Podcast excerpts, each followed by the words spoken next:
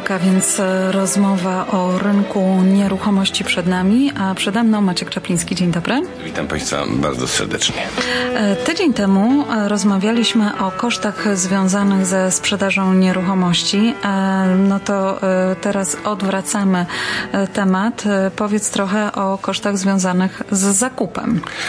No, niestety są związane koszty z zakupem nieruchomości i proszę Państwa, jak wspominałem tydzień temu, to zasadniczo wynagrodzenie, czyli commission dla agentów pokrywane jest najczęściej e, przez sprzedających, czyli e, liczone są w cenę e, sprzedaży i wtedy kupujący po prostu mają odczucie, że nie płacą żadnego dodatkowego, dodatkowej opłaty. Ale tylko taki komentarz, który chciałem dodać, bo są przypadki, w którym e, może się okazać, że również kupujący będzie musiał zapłacić commission, a to sytuacja taka trochę wyjątkowa, kiedy na przykład yy, no, podpisaliśmy kontrakt z agentem, no, agentem tak zwanym buyer broker, czyli ten kontrakt na przykład podpisaliśmy na pół roku czasu.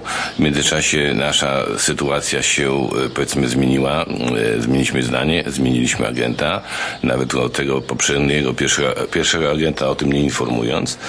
Kupiliśmy po prostu sobie następny domek, niby nie płacimy commission, ale nagle, jeżeli ten agent, który z nami podpisał kontrakt w pierwszej kolejności, czyli tak zwany pierwszy buyer broker, e, zorientuje się, że Państwo w tym czasie, kiedy mieliście z nim ważny kontrakt na, na współpracę, kupicie nieruchomość, to ma pełne prawo, żeby się domagać o swoje commission. I to, które wynosi wtedy zwykle 2,5%. Dlatego takie ostrzeżenie, jeżeli Państwo podpisujecie kontrakt Buyers Agency z jakimśkolwiek agentem, to pamiętajcie, żeby on był podpisywany na krótki okres czasu, do miesiąca maksimum i ewentualnie warto jest wyspecyfikować na przykład, jaką nieruchomość szukacie, dlatego że jeżeli szukacie nieruchomość w Hamilton, a z drugim agentem podpiszecie kontrakt na Toronto, to jesteście oczywiście ok. Natomiast jeżeli ktoś, tak jak znałem takie przypadki, podpisał nieświadomie, jak twierdził, kontrakt na rok czasu z agentem, który go spotkał na open house i to w dodatku na całe Ontario, to niestety jesteśmy w dużym po prostu problemie i o tym warto pamiętać. A teraz wróćmy do typowych kosztów związanych z zakupem e, nieruchomości. Proszę Państwa, o ile, tak jak powiedziałem, e, kupujący nie płacą commission, natomiast niestety rząd, e, zarówno prowincjonalny, jak i również rząd e, miasta Toronto przygotował tam od lat taką niespodziankę, czyli tak zwany Provincial Land, Track, Land Transfer Tax. Ten podatek dla domów do wartości około miliona dolarów będzie wynosił około 16 475 dolarów i to po prostu jest zamykane przy kosztach zamknięcia, zamknięcia prawnicy są odpowiedzialni za policzenie tych pieniędzy i skasowania z państwa. Natomiast jeżeli państwo mieszkacie w obrębie GTA, czyli e, powiedzmy Toronto, e, Mississauga, Mississauga już to się nie zalicza, ale Scarborough, North York, czyli tych rejonach, które podpadają pod telefon zaczynający się od 416, tak z grubsza mówiąc, miasto Toronto już od wielu lat wprowadziło dodatkowy właśnie podatek, też to, to się nazywa Metro Toronto Land Transfer Tax i on jest mniej więcej w podobnej wysokości jak podatek ten prowincjonalny. E, o ile prowincja z tych, z tych podatków, e, prowincjonalny taks jest przeznaczony na rozwój infrastruktury w, mieście, w całym Toronto, w całym Ontario, to oczywiście e, miejski taks głównie się koncentruje na, na, na Toronto. Dla kupujących po raz pierwszy jest, są pewne ulgi, czyli powiedzmy około 4000 dolarów jest zniżki dla kupujących po raz pierwszy, którzy kupują poza Metro Toronto, a w Metro Toronto to jest 4750 dolarów i Oczywiście ten land transfer tax przy obecnie wysokich cenach nieruchomości jest niezwykle bolesną opłatą, bo jeżeli ktoś kupi dom w tej chwili e, w Toronto na, e, za milion dolarów, to musi się liczyć i nie jest e, kupującym po raz pierwszy, to musi się liczyć z sumą 32 950 dolarów, którą musi zapłacić w trakcie zamykania transakcji. To boli. W każdym razie następnym takim wydatkiem, którym się należy liczyć, to są fees. Znam takich ludzi, którzy próbowali tego uniknąć, robiąc te e, wszystkie papiery rozliczania na własny rachunek. Najczęściej to się bardzo źle kończyło, bo bez odpowiednich uprawnień, umiejętności i wiedzy jest trudno wy, wyłamywać otwarte drzwi. Normalnie, e, jeżeli się rozmawia z prawnikiem, to e, oni jak gdyby dzielą swoje koszty na dwie rzeczy.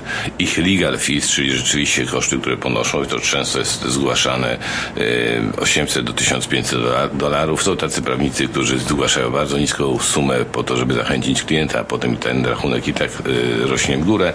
Natomiast po, oprócz tego są przez prawnika pobierane y, koszty, po prostu takie opłaty, które on musi dokonać, jakieś listy, które wysyła do miasta, y, zapytania, telefony. Prawnik po prostu czasami musi wyrejestrować mortgage. To jest mnóstwo opłat, które oni się zwykle rozliczają. Co prawda ciągle mnie zastanawia, że jest tam e, faksowanie wpisywane, chociaż już nikt nie faksuje, no ale tak po prostu widocznie musi być. W każdym razie, jeżeli Państwo myślicie o prawniku, to y, ważne, żeby to był dobry prawnik sprawdzony, zajmujący się real estate, bo też błędy popełnione przez prawnika potrafią być bardzo kosztowne, ale zakładałbym, żebyście Państwo liczyli w swoje kalkulacje koszt rzędu do 2,5 tysiąca dolarów jednorazowo.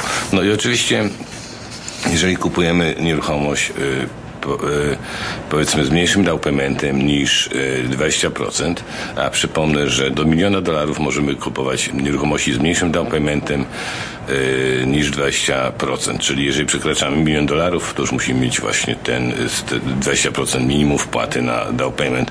W przypadku, kiedy mamy 20% wpłaty na down payment, nie, nie płacimy żadnego dodatkowego ubezpieczenia, bo takie są przepisy. Natomiast jeżeli mamy mniej niż 20%, to bank nam chce udzielić pożyczki, zmusi państwa do właśnie wykupienia specjalnego ubezpieczenia. To ubezpieczenie niestety jest też dosyć kosztowne.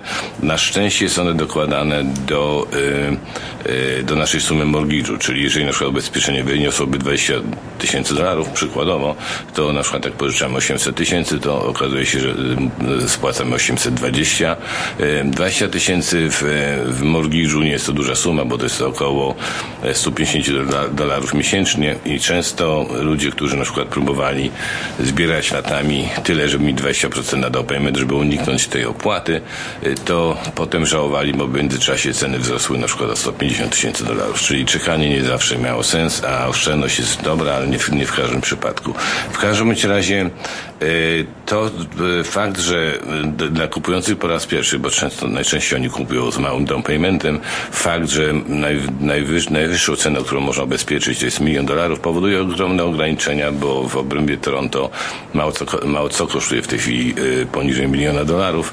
No oczywiście, jeżeli ludzie się zdecydują pójść troszeczkę dalej poza Toronto, to szansa jest zdecydowanie y, wyższa. Więc y, jeżeli chodzi o to ubezpieczenia CMHC, ubezpieczenia high ratio, to właśnie jest kilka instytucji, które to oferują.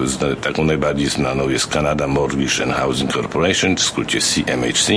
No i ta właśnie instytucja ubezpiecza państwa potencjalną pożyczkę. Bank, czując, że pożyczka jest ubezpieczona, bardzo chętnie pożycza pieniądze, ale niestety wymagania CMHC są bardzo ostre, bardzo wymagające i ciężko czasami przejść przez y, kwalifikacje.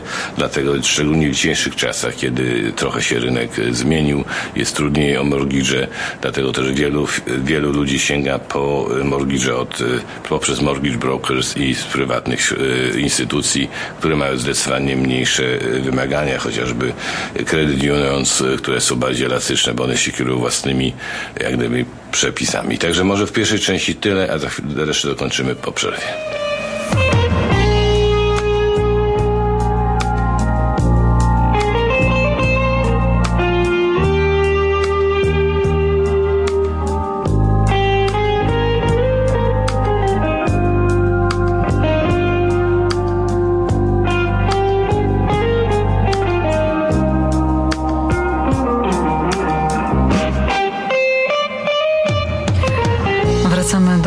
Rozmowy z Maćkiem Czaplińskim. Dziś rozmawiamy o kosztach związanych z zakupem nieruchomości.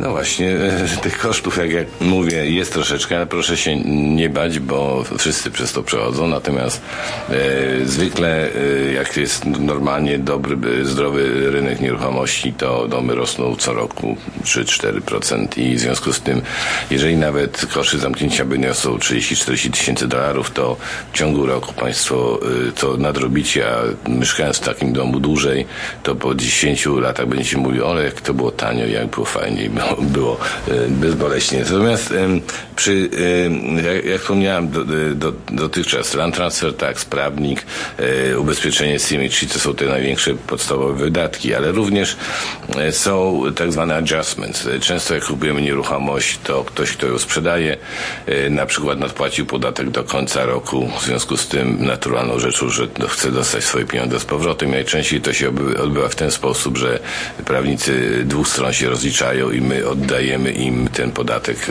jak gdyby dodatkowo do ceny, którą płacimy. I odwrotnie, jeżeli ci z kolei nie, nie dopłacili podatku, to muszą nam dać tą sumę pokryć i żeby było sprawa wyjaśniona. To samo dotyczy, jak kupujemy kondominia, na przykład tak zwanych maintenance fees, czyli tych właśnie opłat związanych z utrzymaniem kondominium. W przypadku na przykład nowych e, budynków, tak zwanych budynków e, mieszkań z planów, e, często takim dodatkowym kosztem potrafią być development charges. Zwykle jak się kupuje mieszkania, kupuje mieszkania z planów, deweloperzy no, zrobią coś takiego, że narzucają, gwarantują nam tak zwany maksymalny cap, maksymalną sumę, jaką zapłacimy przy zamknięciu. To jest zwykle 8, 10, czasami 15 tysięcy dolarów, ale i to jest e, obowiązujące przez, od momentu, kiedy kupujemy do momentu, kiedy zamykamy. Ale te, e, tak zauważyłem, że w ostatnich latach te opłaty również rosną, no bo wszystko e, drożeje i to jest takie wytłumaczenie, nie wiem, niektórzy zwalają na COVID, nie wiem jak COVID ma do development charges, ale rzeczywiście ceny rosną.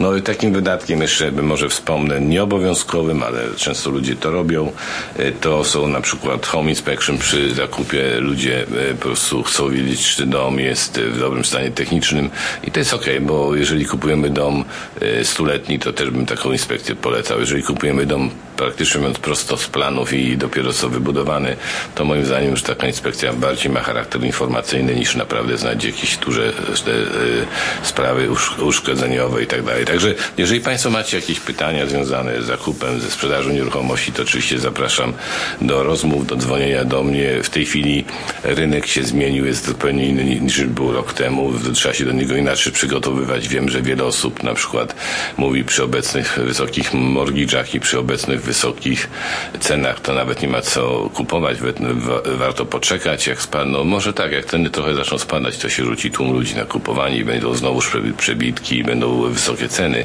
Natomiast w tej chwili, jak ktoś może sobie pozwolić na kupno, jest dobry moment, bo wielu, wielu sprzedających jest zmuszonych do sprzedaży i chętnie ponegocjonuje cenę i można naprawdę dostać doskonałe warunki.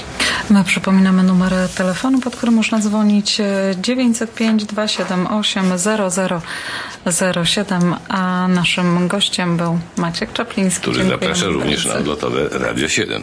Party. Dziękujemy.